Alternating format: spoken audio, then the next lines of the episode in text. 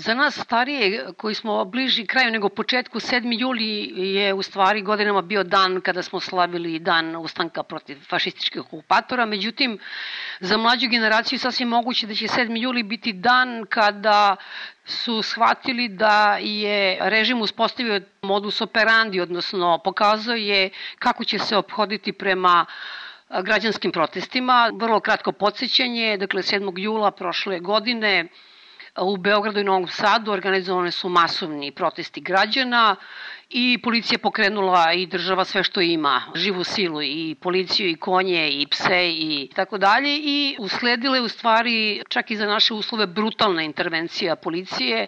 Juče smo mogli da čujemo advokata Vladimira Beljanskog koji zastupa jednog dečaka koji je prebijen na novosadskim ulicama i rekao je dakle, da taj predmet se šeta od Novog Sada do Bačke Topole, pa od Bačke Topole do Zrenjanina i da njegov klijent nikada nije ni dao nek izjavu šta se zapravo desilo tog dana. Predsednik države je ponovio da je tada, da su neki ljudi pokušali da ugroze državu, da bi u bilo kojoj drugoj zemlji, Nemačkoj, Francuskoj, bilo ubijenih, ali eto u Srbiji nije bilo ubijenih. Direktor policije se drži svoje ocene da je policija izuzetno profesionalno postupala, Zaštitnik građana je odmah posle demonstracija rekao da policija nije koristila prekomernu silu. Nekoliko meseci posle toga je to ublažio, pa jeste, ali pojedinačno, pa eto neki nisu nosili značke. Beogradski centar za ljudska prava je radio zaista jednu opširnu analizu e, slučajeva i ja te vladice za početak molim da nam kažeš koliko ste vi krivičnih prijava podneli, protiv koga i šta šta bi mogao da nam kažeš o ponašanju, odnosno postupanju ili nepostupanju policije, tužilaštva, pa čuvenog službe unutrašnje kontrole policije i na kraju krajeva i zaštitnika građana? Mi smo podneli 32 krivične prijeve, sve one su bile podnete protiv nepoznatih službenih lica. Za 18 od ta 32 slučaja mi smo kasnije upoznali žrtve, obezbedili im sudsko-medicinski pregled koji smo kasnije dostavili iz krivične prijeve i u svim tim slučajima, dakle i ovima u kojima smo ovaj, upoznali žrtve i u kojima nismo, smo inicirali i postupke pred zaštitnikom građana. Mi smo prve informacije da su naše krivične prijeve zavedene dobili nakon nekih 7 dana, 10 dana i tako od sektora unutrašnje kontrole. I došao je jedan dopis za svaku prijavu po osob, vrlo kratak, gde oni kažu oni su to primili i prosledili tužiloštvu i sad čekaju da vide šta će tužiloštvo da im naloži. A ono što je nas tu malo iznenadilo je što su oni sve te naše prijeve dostavili i jedinicama policije u kojima rade potencijalni osumnjičeni. Mi smo smatrali da je to jedna vrsta obstruiranja postupka. Tužilaštvo, mi čak ne znamo ni da li je evidentiralo te naše krivične prijave.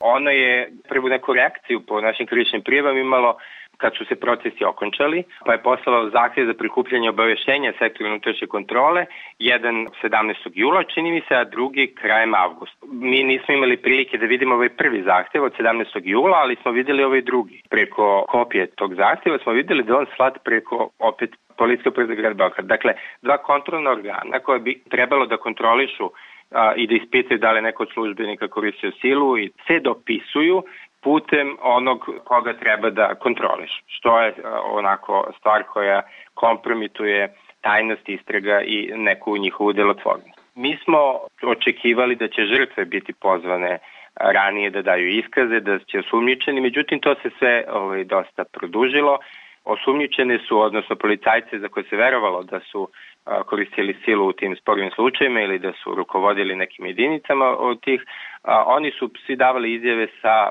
mesec, dva, nekad i više zakašnjenja nakon događaja. A žrtve su počele da budu pozivane da daju iskaz tek krem februara i marta ove godine, dakle nakon više od sedam meseci od okončanih protesta. Neke, kao što je i juče gospodin Beljanski rekao, jedna od njih je i onaj dečak iz Novog Sada koji je bicikle, s bicikla patučen. O, neke žrtve kao što je taj dečak nisu ni dalje saslušane. Sektor unutrašnje kontrole prikuplja neke informacije i dostavi ih tužiloštvu i zaštitniku građana, Međutim, mi smo analizirali neke izvešte sektora i mi smo videli da je sektor dosta radnji preduzimo sa velikim zakašnjenjem, a da su neke radnje koje su bile preduzete onako netemeljne ni sistematične. Recimo, imali smo nekoliko predmeta kod pravnog fakulteta koji su se desili iste večeri i u relativno slično vreme. Dakle, u nekih pola sata do 40 minuta. Dva predmeta su recimo bila u identično vreme sa nekim razmakom od 20-30 metara. Vi kad čitate te izveše sektore vidite da u jednom izvešaju oni su identifikovali jedne jedinice, a za druge kažu da nisu koristili silu, a u drugom slučaju kažu baš da su ovi koristili silu, a ove koje su pominjali u prvom izveštaju uopšte ne pominju. Vi imate iskaz policajca koji kaže ja sam koristio palicu kod pravnog fakulteta ili u blizini pravnog fakulteta. I sad logično pitanje za neko ko uzima izjavu i bi bio gde je kod pravnog fakulteta, s koje strane ulice, kod koga objekta, prema kom licu, okvirne godine starosti. Međutim, ovde su te izjave od po pet rečenica, vidi se da nikakvih potpitanja nije bilo i sektor zaključuje da ne može da utvrdi ništa. A dalje, sve te izjave tih žandarma su bili iste, dakle to je princip copy-paste i to ni za koga nije bio problem. I sad ono što je svima nama bilo jasno zapravo od početka da će biti vrlo teško utvrditi imena svakog policajca po osob, jer su, kao što svi znamo, oni nosili sve one ovaj, maske, uniforme, vizire, štitove i tako. E sad, šansa za to ipak postojala u nekim predmetima gde su žrtve videle ljude koji ih tu. To je bilo u slučajima gde su ljudi bili u civilu, za koje se verovalo da su policajci, a to nikad MUP niti je demantovo, niti je pronašao ko bi bili ti drugi ljudi, a, a i pouzdano se zna da su neki od tih ljudi u civilu koji su bezivali tukle ljude, vodili te iste ljude u zgradu Skupštine i u Marice i u nekim drugim slučajima gde su ovi uniformisani dizali vezir. I sad mi imamo, recimo, od naših predmeta gde smo uspeli da dođemo do kopija spisa, mi imamo na tri mesta a, a, žrtve daju vrlo a, solidan, neki čak i dosta precizan opis tih ljudi. Kažu kako su izgledale godine, I sad, logično, u takvim situacijama bi bilo da ako imate neku jedinicu za koju sumnjate da je tu postupala i neke službenike za koje znate da su tom prilikom bili tu, logično bi bilo da tužilac nalože prepoznavanje. Naravno, ništa toga se nije desilo do danas, to je isto jedan od mnogih propusta. Interesantno jako je recimo bilo i to što su kamere, pošto smo mi dosta slučaja imali video snimke koji su zabeležili zlostavljanje, ali se prosto nismo ograničili samo na te snimke, već smo i odlazili sa žrtvama na, licu, na lice mesta, kaže da vidimo gde su tučeni, da smo gledali, e, postojali neke kamere okolo e, koje bi mogle da se e, izuzmu, odnosno sa koje bi snimci mogli da se izuzmu. Imali smo nekoliko slučajeva gde smo imali, gde smo baš vidjeli kamere. U dva slučaja od ovih koje smo analizirali su kamere bile uperene baš u mesto, mesto gde se zlosenje desilo. Međutim, u tim slučajevima je sektor sa velikim zakašnjenjem, to je već od skoro dva meseca, da se obratio nekom sektoru unutar MUPA, sektoru za analitiku i tražio te kamere, snimke kamere. A onda dobio izjašnjenje da te kamere nisu u funkciji. I sad, uh, interesantno je što su to pametne kamere koje su postavljene tokom proleća 2020. godine. Sad je tu vrlo interesantno da neko vama može da kaže kamere ne rade i da se vi time zadovoljite. Sad, koliko je to površno bi bilo se jasno vidi recimo kad bi se u ne znam nekoj kući ili nekom preduzeću desila neka krađa, nestane iz sefa ili nekog mesta neka količina novca i sad vi pitate šefa, dobro dajte video nadzor, on kaže pa ne radi. I sad to niko ne proveri jer neko je rekao da taj video nadzor nije u funkciji, eto mi to nećemo da proveramo i gotovo. Sve u svemu, sve to što je sektor uradio je bilo dosta a, sporo, a, nesistematično, traljavo, dok tužilo se bilo potpuno neaktivno. Ono, ja mislim ne bi ni saslušalo ove žrtve, a, ni, a, odnosno ispitalo ni u februaru, martu i aprilu, da to nisu tražili advokati koji zastupaju žrtve u tim krivičnim postupcima, pa su onda oni o, to uradili. Da, ja mislim da to nismo tražili, o, ne bi oni to ni uradili ni do danas. I sad, uh, interesantno je, uh, mi smo to videli u jednom našem predmetu, ali učio sam od Danila iz inicijative za ekonomska socijalna prava da se to u više njihovih predmeta isto uh, stoji, da je Beogradsko tužilaštvo napisalo neke beleške da se predmeti čuvaju u pisarnici dok se ili ne pronađu ti osumničeni, dakle neko treba tužilaštvo da kaže to su ovi, ili dok ne nastupi apsolutna zastarelost. Odgovornost države u ovim slučajima će biti nemoguće izbeći. Već postoji uh, solidna praksa Evropskog suda za ljudska prava u ovakvim slučajevima, postoji recimo jedna presuda koja se odnosi na Rusiju, gde je sud oglasio odgovornom Rusiju zato što je dozvolila da pripadnici neke posebne jedinice postupaju prema osuđenicima noseći neke ovaj, čarape na glavi, kacige, ne znam šta je tačno bilo i rekao je da je to jedan vid posticanja nekažnjivosti na torture, slučaje torture i da država mora da obezbedi kažnjivost i da a, takve vrste uniformi bez identifikacija, bez mogućnosti oštećenih da vide ko prema njima primenjuje silu u tom slučaju nisu bile dobre i to je a, bilo dovoljno da sud zaključi da je došlo do prekršenja konvencije. A, s druge strane, postoji praksa suda koja kaže da treba da se spreči usaglašavanje izjeva osumnjičenih, da istrage navoda zlostavljanja budu hitne, da budu temeljne, da što treba da preduzima najveći broj radnji, a ne da se u potpunosti oslanja na to šta će da uradi sektor unutrašnje kontrole. A, sektor taj inače, on jeste neka posebna organizacijona jedinica u MUP-u koja je nadležna da kontroliše a, zakonitost rada policije, ali ne treba zaboraviti činjenicu da je a, i taj sektor direktno odgovoran ministru, a da ne pričamo o tome da sastav tog sektora čine samo nekadašnji službenici policije. I sad uh, tu šta nama će ostati da čekamo da vidimo šta će tužilaštvo da urade, pa da eventualno uh, idemo na neka strateška zastupanja pred sud, Evropski sud za ljudska prava, Komitet protiv strukture i slično i da opet pravdu dočekaju žrtve za jedno 3 do 5 godina i da posljedice toga bude da smo svi odgovorni, a da oni koji treba da budu odgovorni i izbačeni iz MUPA to ne budu. Mi govorimo ovde samo o zlostavljanju na ulici ili govorimo o zlostavljanju u policijskim stanicama? Mi nismo imali uh, ljude koje zastupamo koji su bili zlostavljeni u policijskim stanicama, ali znamo za neke koji su nam se javljali, pa su kasnije odustali. Neki su nam se javili sad nedavno, da nam kažu recimo da su bili tučeni u zgradi uh, parlamenta. Sad tu je postojan predmet, vrlo interesantan da je jedan čovek uh, tučen u zgradi parlamenta i nije podneo krivičnu prijavu, nije se javio ni nama, ni inicijative A11, ali predmet njegov postoji u tužilaštvu. I sad mi smo se ponadali o, o, da li je neko to skinuo video nadzor pa da se tužilaštvu pa se tu nešto službeno pokrenulo. Tražili smo kopije spisa, nikad ih nismo dobili. A, tako da a, svi ovi naši slučajevi su slučajevi zlostavljanja sa ulice. Dobro, e sad mi se sada da niste bavili tim, ali samo da podsjetim za presude demonstrantima, neko od naših kolega pravio ta poređenja, između presude demonstrantima 7. jula, dakle 2020. godine i presude navijačima Zvezde u Beton hali gde je jedan isti sudija za verbalno vređenje policajaca navijaču da kaznu od 55.000 dinara, a taj isti sudija demonstranta kazni za istu verbalni delikt sa 30 dana zatvora. Ali za kraj samo jedno pitanje. Vi ste najavili da je ovo sad, ovo izveštaj, samo deo izveštaja o drugim slučajima torture i drugim oblicima zlostavljanja u periodu od 2018. do 2020. godine. Na što se to odnosi? Jel može samo kratko da nam kažeš? Mogu, mogu da. A, ajde, e, ako hoćete, mogu i prvo za ovo za... A, a da, kako da ne, kako da ne. Da. Mi smo pratili, naravno, sudbene tih ljudi koji su bili procesuirani tokom ruskih protesta.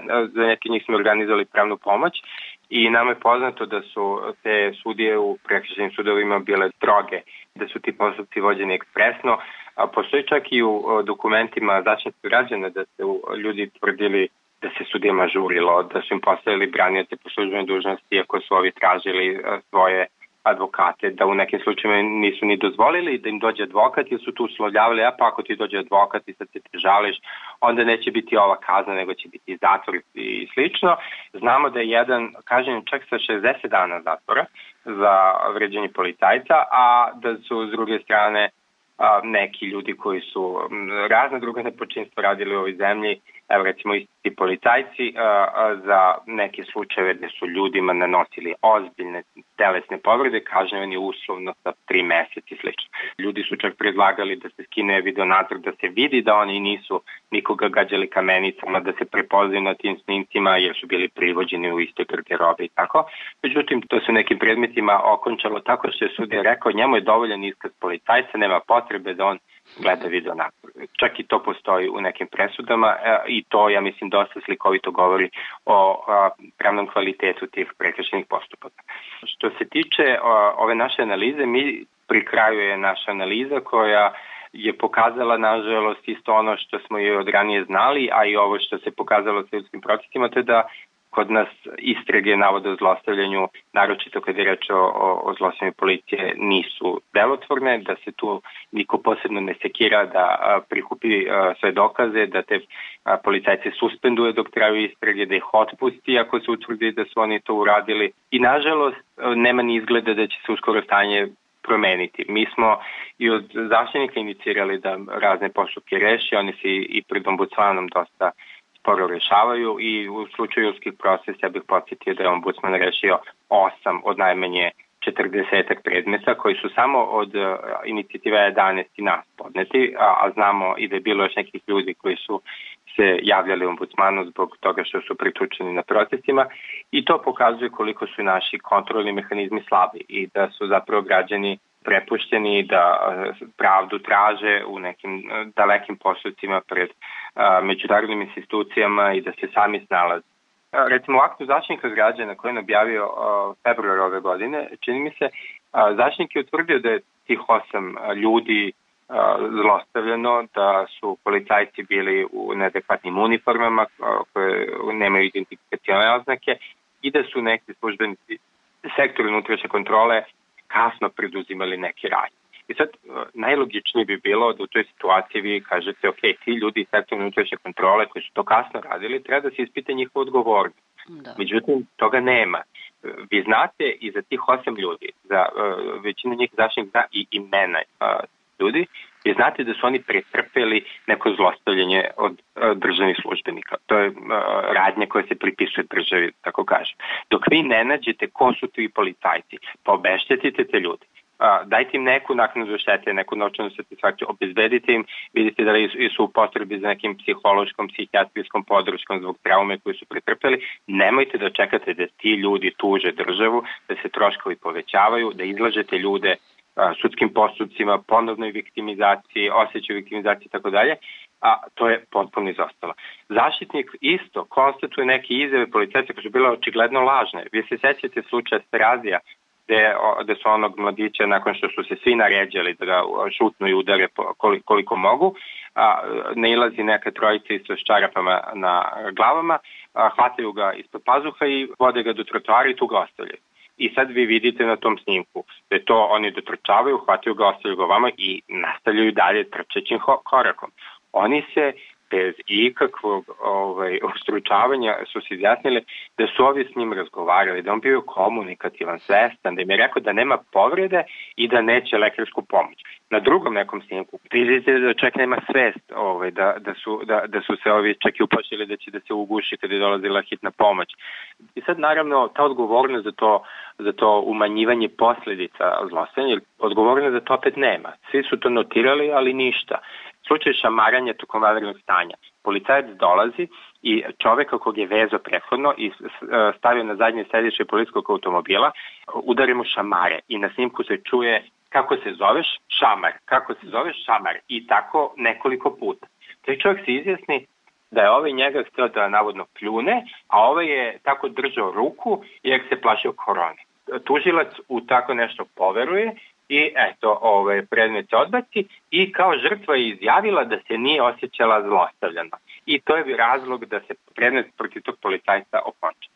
A do tog nivoa obesmišljavanja idu ti postupci protiv policije. Zaštnik utvrdio da je tečak zlostavljan, ali se nije bavio time da tečak treba bude otpušten. Jer postoji neka praksa koja bi za Srbiju trebalo da bude obavezujuća da ljude za koje se utvrdi da zlostavljaju građane, dakle namerno koriste nezakonitu silu, ti ljudi ne, nisu deo MUPA. Naši protesti, naše aktivnosti u vezi sa ljudskim protestima inače na ovu temu nisu aktivnosti protiv policije, nego protiv onih u policiji koji kvare tu policiju, koji od to je jedne službe koja treba da bude nama na usluzi, prave jednu gardu vlasti ili jednu izolovanu bandu nekih pojedinaca koji misle da zato što nose uniformu mogu da ljude ovaj, tuku bez ikakvih posljedica.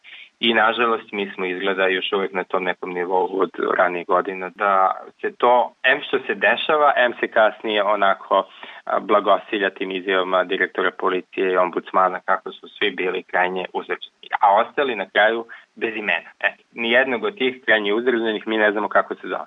Vladice, hvala mnogo na razgovoru. Ne, ne, čemu.